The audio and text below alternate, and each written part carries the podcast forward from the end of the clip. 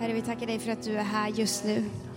Tack att du är här med din närvaro och tack att du har lovat att du ska vara mitt ibland oss när vi är samlade i ditt namn, Herre. Och Gud, vi vill inte vara samlade i något annat namn än i ditt namn. Gud, du vill att den här stunden bara ska få handla om dig. Tack att du ser och känner oss var och en. Du vet precis med vilka känslor, vilka tankar, vilka problem och vilka glädjeämnen vi är här med idag, Herre Jesus. Så tack för att vad du har, genom vad du har gjort så får vi komma precis som vi är. Herre Jesus, nu ber jag bara att du skulle få tala genom mig. Jag ber att du med din heliga Ande ska tolka allt som ska sägas idag. Men Gud, jag ber, jag ber dig Herre, låt ditt ord få komma till liv. Låt ditt ord få komma till liv i våra liv idag, Herre Jesus. Gud, vi vill inte ha en till förmiddag när vi bara sitter här för att lyssna och sen så händer ingenting, Gud. Vi längtar efter så mycket mer. Jag ber Gud att du skulle röra vid mitt hjärta idag, Herre Jesus. Att du skulle låta din kärlek bara överösa mig än en gång, Herre Jesus. Vi längtar efter så mycket mer av dig, Herre Jesus. Vi vill leva i din kraft, vi vill leva i det livet som du har gett oss, Herre Jesus. Så Herre, nu ber jag dig att du skulle öppna våra hjärtan och hjälpa oss att ta emot mer av dig idag. I ditt underbara namn så ber vi. Amen. Amen. Vi ska gå direkt in i eh, dagens bibeltext. Och vi ska läsa tillsammans ifrån Lukas evangelium. Många av er har säkert hört den här berättelsen förut, läst om den här händelsen. Det är när Jesus kommer hem till Marta och Maria. I Lukas 10 från vers 38 läser jag. Medan de var på väg kom Jesus in i en by och en kvinna som hette Marta tog emot honom i sitt hem. Hon hade en syster, Maria, som satte sig vid Herrens fötter och lyssnade till hans ord. Marta däremot var upptagen med alla förberedelser och hon kom fram och sa, Herre, bryr du dig inte om att min syster har lämnat mig att sköta allting själv? Säg nu till henne att hon hjälper mig. Herren svarade henne, Marta, Marta, du bekymrar dig och oroar dig för så mycket, men bara ett är nödvändigt. Maria har valt den goda delen och den ska inte tas ifrån henne. Måste bara möblera lite här kommer så långt bort. Ehm, den kan, det här blir nog bra. Det blir bra så. Um. här är två systrar som har bjudit hem Jesus till sig. Det står att Jesus gick genom en by och Marta och Maria tog emot honom i sitt hem. Det är där allting alltid börjar. Det börjar med att du och jag bjuder in Jesus i våra liv och säger Jesus, jag vill ha dig i mitt liv. Kom hem till mig. Eh, kanske är det så att du sitter här idag och har inte tagit det här beslutet. Du har inte sagt till Jesus, jag vill ha dig i mitt liv, kom in i mitt hjärta. Då kan du få göra det idag. Då önskar jag och ber att du just nu skulle liksom bara våga tänka den tanken, vem är Jesus? Vad har han gjort för mig? Vill jag fatta det här beslutet idag, att låta honom bli Herre i mitt liv? Jag kallar Jesus Herre i mitt liv. Det är stora ord. Men ibland så tror jag att vi behöver fundera på vem Jesus faktiskt är för oss. Vem är Jesus för dig? För att beroende på vem du liksom säger att Jesus är i ditt liv så kommer du ta emot allt det här som jag ska säga nu på olika sätt. Jag kallar Jesus Herre och Mästare i mitt liv. Det betyder att jag vill att han ska ha full kontroll över mitt liv. Jag vill att han ska få vara den som har första platsen. Jag vill att han ska vara den som har sista ordet i mitt liv. Och det är lätt när han säger precis vad jag tycker att han ska säga. Men ibland är det en utmaning också. När han säger någonting som jag önskar att han inte skulle sagt. Till exempel. Men vem är Jesus för dig? Och om det är så att du också kallar Jesus din Herre och Mästare, din Frälsare, så tror jag att han vill tala någonting till dig idag. Som du verkligen kan få ta emot. Och det kanske kommer vara lite jobbigt, det kanske kommer skava lite. Men det är för att Jesus vill ta dig från en plats till en annan. Att han vill leda dig vidare. Så Marta och Maria hade bjudit in honom i sitt hem för att det är där allting börjar. Jesus är hemma hos dem och de här två systrarna reagerar sen, eller liksom, de beter sig väldigt olika när Jesus väl är där hemma. Det står att Marta, hon höll på och fixade och grejade och liksom så här, gjorde fint säkert och tänkte att nu är Jesus här, han ska säkert äta någonting, undrar vad han tycker om. Ja, jag vet inte, så jag gör alla olika grejer så att han kan få välja och det ska vara städat och det ska vara snyggt och ni vet sådär. Eh, men Maria, hon satte sig ner vid Herrens fötter och lyssnade till hans ord. Marta blir ju superirriterad på sin syster. Men hon säger inte till sin syster utan hon säger det till Jesus, det tycker jag är lite roligt. Och så bara Jesus, säg åt henne att hjälpa mig. Hallå, vad gör hon? Säg åt henne att hjälpa mig med allt det som ska fixas. Och då säger Jesus, Marta, Marta. När Jesus säger någonting två gånger, då betyder det eh, lyssna nu på riktigt. Som när det står amen, amen, då är det så här, hej, listen. Eh, Marta, Marta, du bekymrar dig och oroar dig för så mycket, men bara ett är nödvändigt. Maria har valt den goda delen och det ska inte tas ifrån henne. Jesus säger att Maria har valt den goda delen. Då behöver man ju fundera på, okej, okay, vad är den goda delen? Vad är det Maria har valt som Jesus säger är bra? Jo, hon valde att sätta sig ner vid Herrens fötter och lyssna till hans ord. Hon lyssnade till hans ord. Ibland så tänker vi, eller jag har tänkt så i alla fall när jag läser den här texten, att Jesus vill bara att jag ska sitta vid hans fötter. Och det vill han. Men han vill att jag ska sitta där för att jag ska lyssna till vad han har att säga till mig.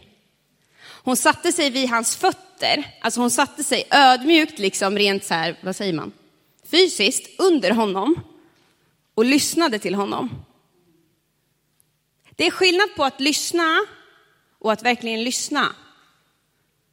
Jag är ganska bra på att lyssna, men jag hör inte. Det hände igår, så jag har köpt ett par nya byxor som jag tycker är jättesnygga, men de är inte riktigt sköna, så jag kan inte riktigt bestämma mig för om jag ska behålla dem eller inte. Så tog jag på mig dem, så gick jag fram till Gabriel, han sitter i båset där uppe, min man, och så sa jag, Gabriel, vad tycker du om de här byxorna? Och han, han bara, ja, ja, han satt och gjorde något vid datorn och typ sa, ja, det är bra. Alltså, han tittar knappt. Och jag bara, men titta då! Och då sa han, ja, fast du är ju inte intresserad av vad jag ska säga.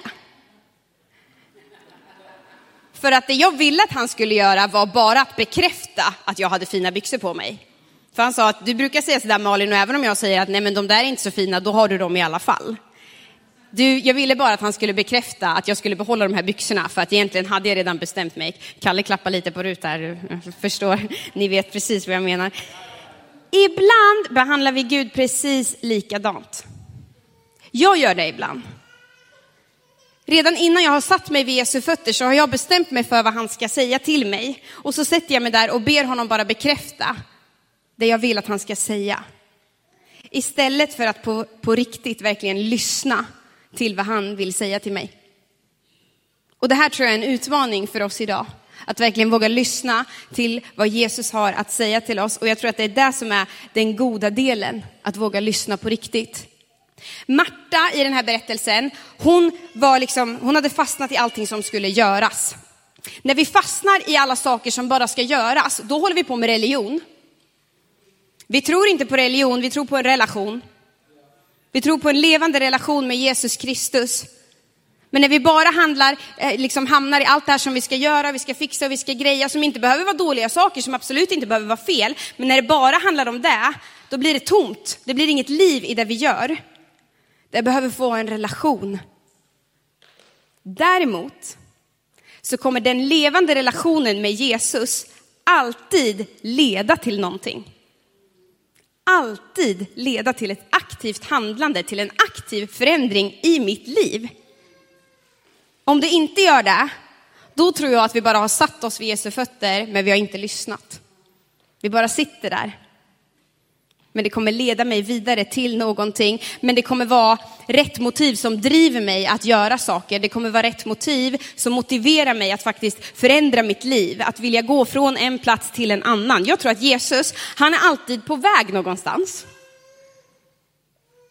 Han är alltid på väg till de som ännu inte känner honom. Han är alltid på väg till den som behöver bli upprättad, helad, läkt på insidan. Till de som ännu inte har fått ta emot honom i sina liv. Och han vill att du och jag ska röra oss i den rörelsen med honom.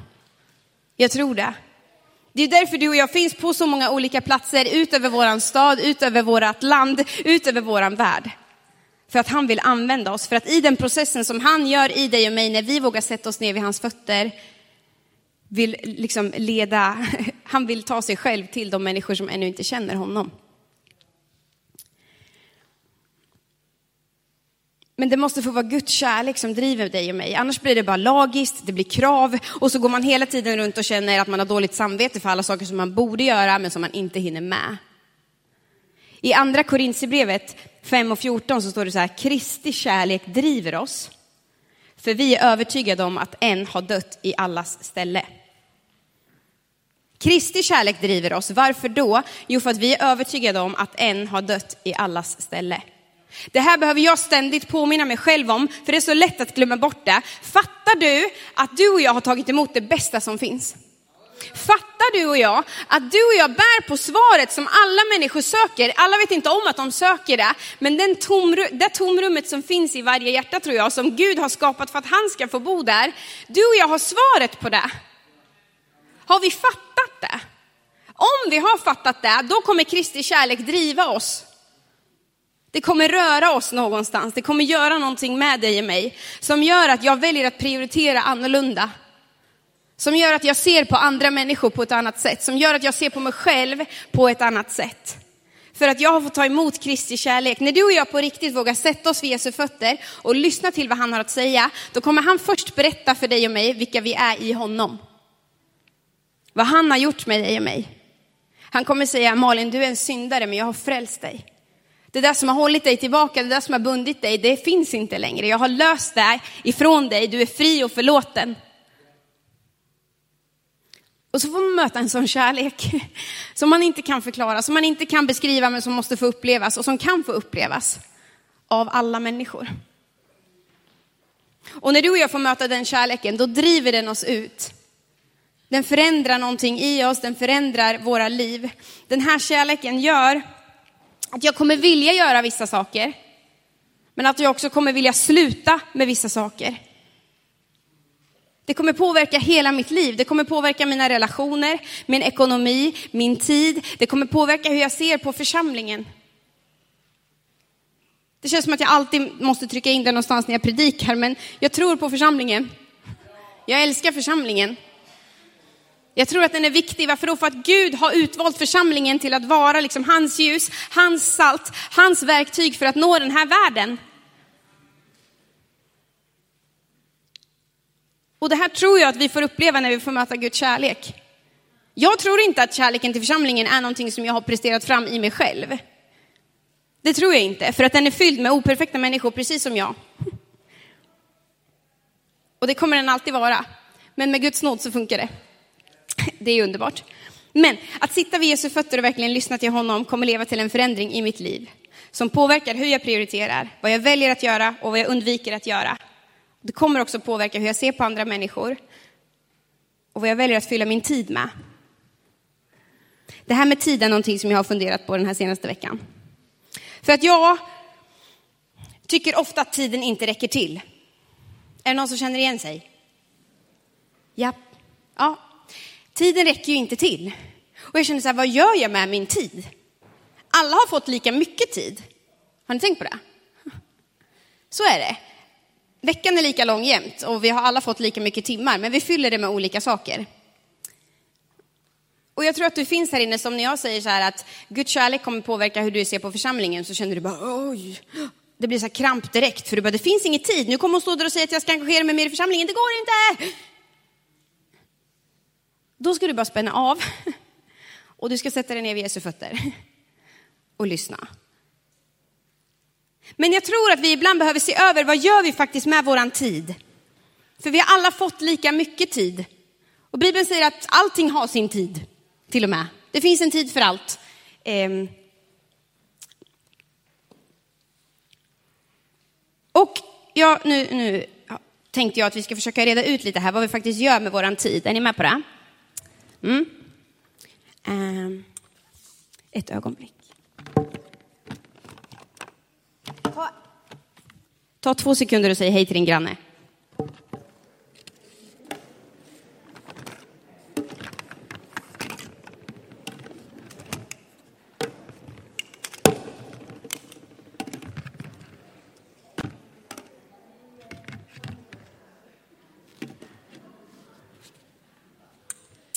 Okej, så här är det. Varje vecka består av 168 timmar.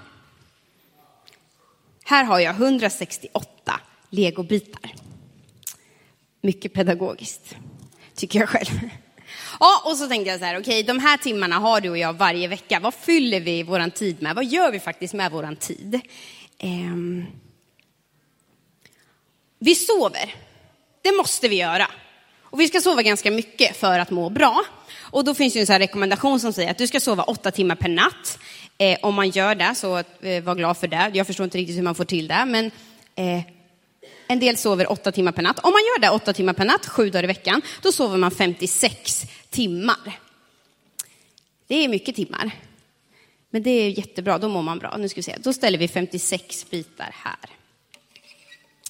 56. Så. Och sen så jobbar man en del, eller hur? Många av oss jobbar, vi arbetar.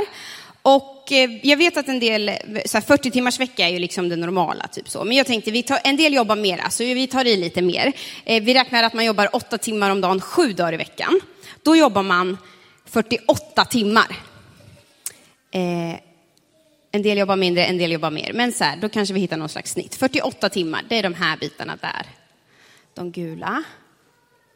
Så 48 timmar. Men sen så består ju livet också av såna här grejer som vi bara måste göra för att livet ska fungera. Man ska, typ, man ska gå upp på morgonen, man ska duscha någon gång ibland, man kanske ska åka till jobbet. Jag vaknar inte och ser ut så här, utan det tar lite tid ibland. Eh, och... Eh, och så kanske man ska skjutsa ett barn till en träning och så ska man äta någonting och så ska man åka och handla någon gång ibland. Och då tänkte jag så här, ja, men om, man, om man slår ut vad, hur mycket tid lägger man på det där varje vecka, då kanske, eller vecka, varje dag? Typ fyra timmar kanske? För sådana grejer. Fyra timmar om dagen, det är ändå ganska generöst, eller hur? För lite så här fix och tricks och sånt där som man ska göra. Fyra timmar om dagen, det är 28 timmar på en vecka. Sådär. Mm. Okej, okay, så vi sover, vi jobbar och sen så lever vi våra liv, sånt där som man bara måste göra. I tvättar ibland kanske och diskar och sånt där. Och sen så vill man ju ha liksom det här, det här härliga i livet också. Du ska umgås med dina barn. Om du har en familj så vill du ha kvalitetstid med din familj. Du kanske har ett intresse, du kanske vill gå och träna någon gång ibland för att må bra av det. Och så kanske du vill ha tid bara för dig själv. Där är vi väldigt olika. En del behöver mycket tid för sig själva och en del behöver, jag har inget behov av att vara ensam. Ehm, men en del har det och det är helt okej. Man, vi är olika där. Och då tänkte jag, ja men okej, fyra timmar om dagen. Det är också ganska generöst. För kvalitetstid, eller hur? Sen kanske man inte gör det fyra timmar om dagen. Du kanske tar hela lördagen istället eller sådär.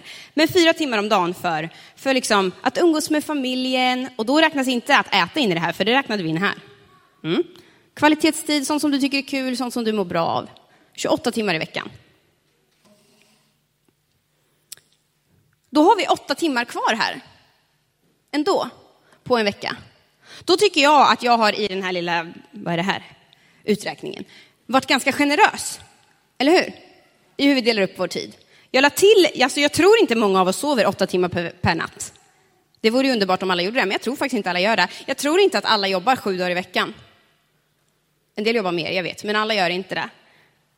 Och en del kanske inte har fyra timmar om dagen för att bara fixa och greja med massa saker. Och alla kanske inte har fyra timmar om dagen för kvalitetstid. Vi kanske önskar att vi skulle det. Men någonstans läcker det verkar det som. Någonstans bara försvinner våran tid och jag vet inte riktigt vad vi gör med den. För om det skulle vara så här, då har vi ändå åtta timmar kvar varje vecka. Och då skulle jag vilja utmana dig och jag utmanar mig själv också. Tänk om vi skulle ta en kvart om dagen för att verkligen sitta ner vid Jesu fötter och lyssna. Om vi skulle ta en kvart om dagen, då är det två av de här åtta timmarna. Det är ändå sex timmar kvar. Två timmar i veckan. Du känner så här, nej men Malin, det går inte. Du, du fattar inte hur hektiskt mitt liv är. Ta hälften av det då. Om du skulle ta, vad blir det då, sju och en halv minut om dagen. För att verkligen lyssna. Inte bara be Gud välsigna det du vill att han ska välsigna. Utan verkligen läsa ett ord. Ett bibelord. vet att det är liv för våra liv att läsa Guds ord. Och det betyder inte bara, jaha nu ska jag läsa första Mosebok idag, hur ska jag få till det? Läs ett ord och verkligen ta till dig det. Det är ju bättre att du gör det än att du inte läser någonting alls. Och så bara be, okej okay, Gud, vad vill du i det här ordet säga till mig idag? Vet du, jag tror på riktigt att om vi gjorde det här, jag säger det till mig själv också, men om vi på riktigt gjorde det så skulle det förvandla våra liv. Det här skulle vända upp och ner på våra liv, det här skulle vända upp och ner på vår församling, det här skulle vända upp och ner på vår stad. Om vi på riktigt gjorde det här. Jag tror det. Och jag begär liksom inte 45 timmar om dagen, jag begär en legobit i veckan. Och jag säger det till mig själv, jag blir så frustrerad över mig själv, att varför får jag inte till det här? Så ofta hamnar jag själv där, att jag, jag sätter mig vid Jesu fötter och så läser jag något ord och så bara, ah, tack Gud att du välsignar allt det jag står i, amen. Jag menar inte att det är fel, men någonting behöver förändras här, någonting behöver vändas. Jag möter människor som säger, Malin jag har ingen tid för församlingen, det går inte. Jag får inte till det. Man går hela tiden runt med ett dåligt samvete över allt man borde göra i församlingen. Jag borde vara med där, jag borde vara med där, jag borde vara med där, jag borde vara med där. Kanske är det så att du är i en säsong i ditt liv just nu när det är väldigt hektiskt, när det är väldigt, väldigt mycket. Men det är ingen som begär att du ska vara engagerad i 45 000 olika saker. Bestäm dig för en grej där du tänker vara med. Jag tror att det skulle göra sån stor skillnad. Tänk om vi alla bestämde oss för att nej, men jag ska vara med på en grej i kyrkan. Jag ska göra en sak och göra det riktigt bra. Två timmar i veckan kanske. Du kan välja någonting som är, du är med varannan vecka eller var tredje vecka, men att du gjorde det med passion och vilja och glädje. Det skulle vända upp och ner på vår församling. Vi behöver se över vad vi faktiskt gör med våran tid. Två legobitar i veckan tror jag skulle revolutionera mitt liv och ditt liv.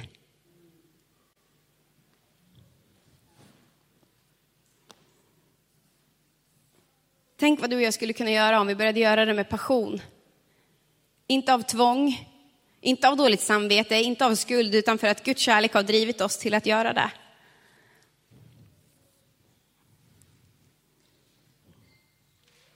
Tänk om två timmar av din vecka skulle kunna gå till församlingen.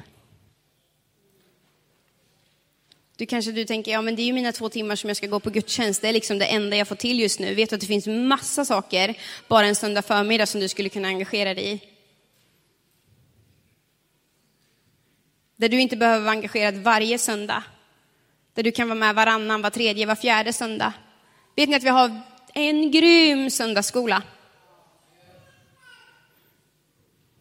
De behöver hjälp. De behöver bli fler. De vill kunna växa, de drömmer om större saker. De behöver fler ledare som är med och säger, jag vill vara med, jag vill vara med och bygga för nästa generation. Jag vill vara med och ge någonting in i de som kommer efter mig. Det finns så, jag behöver inte rabbla upp alla grejer, men det finns så många saker som du kan vara med och göra även på en söndag. Om du känner att det är bara det jag har just nu, det är det jag får till just nu. Och jag vet att vi är i olika säsonger i våra liv och jag kan inte stå här och säga hur det är att ha fyra småbarn till exempel, för jag har inte det. Men jag förstår att det är ganska hektiskt. Och det kan vara svårt att bara få livet att gå, gå runt liksom. Då behöver vi ju hjälpa och stötta varandra. En del av oss har ju mycket, mycket mer tid än vad andra har. Tänk om vi kunde backa upp varandra då. Och säga att nej men jag kliver in här. Jag är med och stöttar dig och hjälper dig, för jag har fler legobitar till förfogande än vad du har just nu. Det tror jag är församling på riktigt. Det är att vara en familj.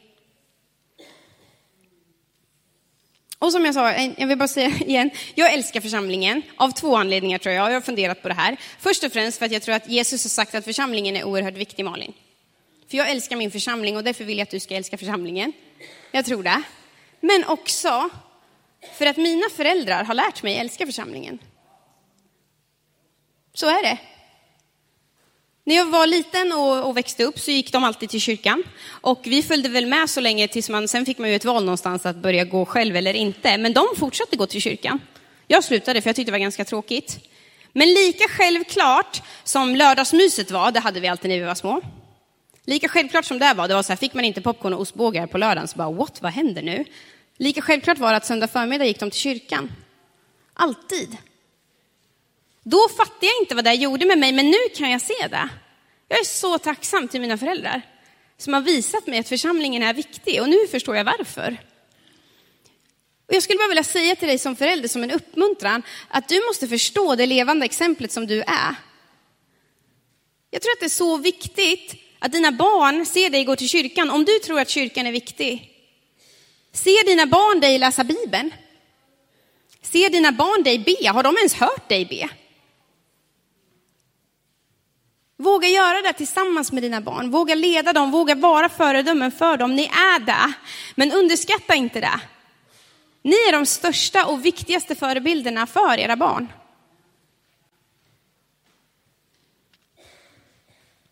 Och hur du ser på församlingen, hur du prioriterar församlingen, hur du prioriterar din tid med Gud kommer påverka dina barn. Så är det.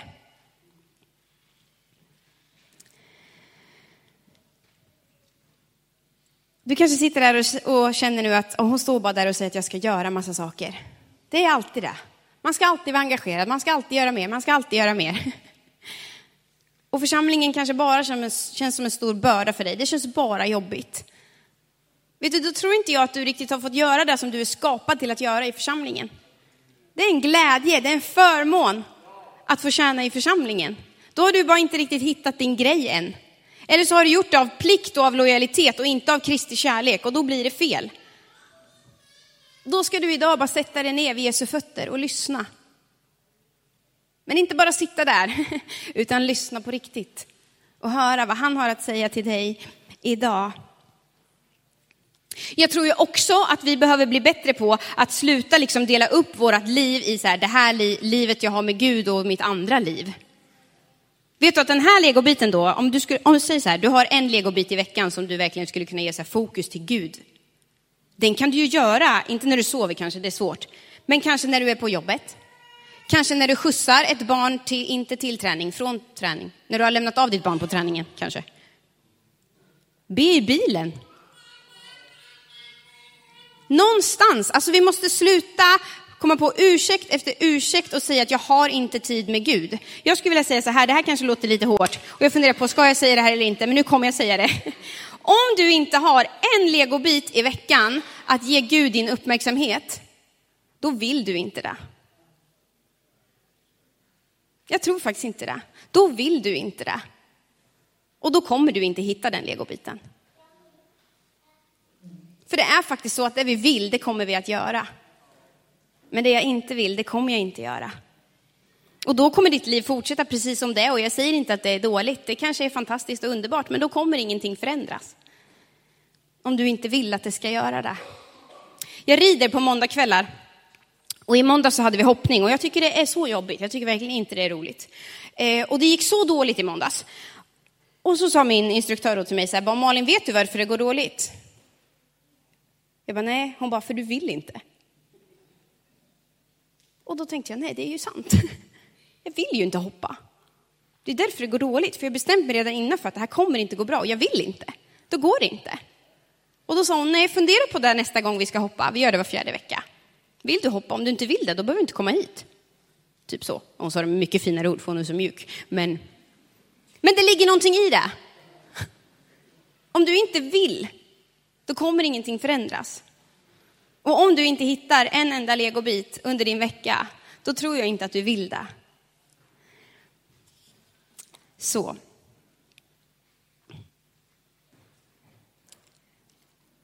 Det jag vill landa i i det här är ju att jag tror att vi kan vara en Marta eller en Maria. Vi kan vara den som bara har fastnat i allt det här som vi måste göra och vi känner hela tiden dåligt samvete för att jag borde göra mera, jag hinner inte med och jag känner att jag är en dålig mamma för jag hinner inte liksom ha, ge all uppmärksamhet jag vill till mina barn, jag hinner inte göra det jag vill på jobbet, jag hinner inte göra det jag vill med min fritid. Då önskar jag bara att du skulle känna så här, spänn av. Sänk kraven på dig själv. Bestäm dig för att om det är någonting du ska hitta under din vecka så är det den här tiden. Och när du har gjort det, då kanske du kan hitta två timmar i veckan till församlingen. Eller vad det nu kan vara. Men börja med den här. För om vi inte börjar med den här, då blir det lagiskt. Då blir det religion och det är det vi inte vill hålla på med. Vi vill hålla på med en relation. Och den börjar här. I den här biten. Och kanske har du två bitar. Och då kommer liksom relationen byggas upp ännu snabbare. Det är så det funkar, för vi blir som vi umgås. Kanske är det så att du har fastnat i det här att du sitter ner vid Jesu fötter. Men du lyssnar inte på vad han faktiskt säger.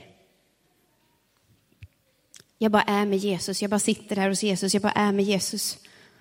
Men egentligen, om du vågar vara lite tuff mot dig själv så handlar egentligen allting om dig själv.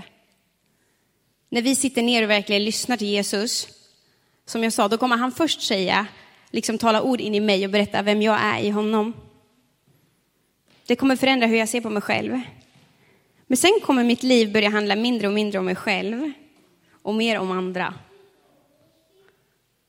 Jag blir mindre och han blir större. Och man börjar mer och mer leva ett liv som handlar om andra människor. Det är den effekten Guds kärlek har i våra liv. Men det kommer bara hända om vi på riktigt vågar börja lyssna till vad han har att säga till oss.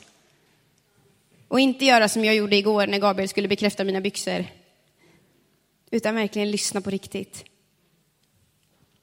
Så oavsett om du känner att du är en Marta eller en Maria idag, så är det samma lösning på problemet på något sätt. Och det är att sätta sig ner och lyssna. Det är att komma till Jesus, ödmjuka sig precis som Maria gjorde. Sätta sig vid hans fötter och säga, okej okay, Jesus, jag vill verkligen höra vad du har att säga till mig idag. Vet, jag tror att idag har Gud ett ord till dig. Idag har Gud ett levande ord till din situation. Idag har Gud ett levande ord till din familj. Till allt det du står i just nu så kan Gud tala in i den situationen. Om du och jag bara vill lyssna till honom. Jag är övertygad om det för att Gud är god och för att han alltid är levande och för att han alltid vill fortsätta göra sin process i dig och mig. Men jag skulle vilja utmana oss tillsammans som församling att faktiskt försöka hitta de här två legobitarna. En kvart om dagen. Och jag säger det till mig själv också. När det inte får gå på rutin, utan när det får bli relation. Levande relation med Gud. De här två bitarna kommer påverka alla de andra bitarna positivt. För att vi vill någonting mer, eller hur? Vi vill komma längre, vi vill se någonting större. Jag vill se Guds rike ta mer plats i mitt liv. Jag vill leva i hans kraft varje dag. Och jag tror att du finns här inne som vill det också. Du längtar efter mer och känner att det här kan inte vara allt. Det här kan inte vara liksom livet med Gud. Det måste finnas mer. Och jag tror det finns mer. Och det börjar här. Det började i att komma till Jesus, sitta ner vid hans fötter och lyssna till honom. Ska vi be tillsammans? Herre, jag tackar dig för att du alltid ger oss möjligheten att komma till dig av fri vilja. Tack att det alltid börjar där, Gud.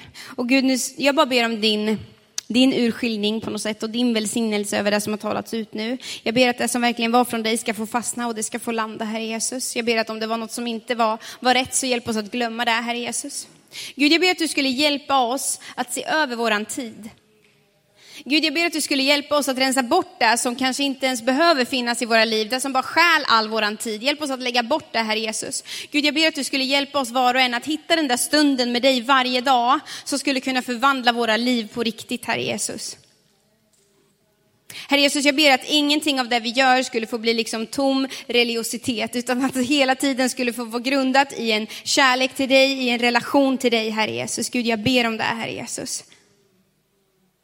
Gud, nu ger vi resten av det här mötet till dig. Jag ber att du ska fortsätta verka, fortsätta tala, fortsätta välsigna. Amen. Vi ska här... Du har lyssnat till en predikan i Pingstkyrkan i Eskilstuna. Om du vill höra den igen eller höra andra predikningar eller se, då finns vi på TV Eskilstuna och vi finns på Youtube där du hittar oss under eh, Pingstkyrkan Eskilstuna. Du kan också klicka på prenumeration om du vill veta när nya predikningar läggs ut. Alla är välkomna hit. Du är varmt välkommen att eh, kontakta oss eller besöka ett av våra möten eller kyrkan. Eh, du kan också ringa till oss eller skriva på vår mailadress om du eh, har en fråga eller om du önskar att vi ska be för dig eller för en situation. Det finns också mer information om oss och våra möten, aktiviteter för alla olika åldrar på vår hemsida och även på vår Facebookgrupp. Jag önskar dig allt gott och Guds välsignelse.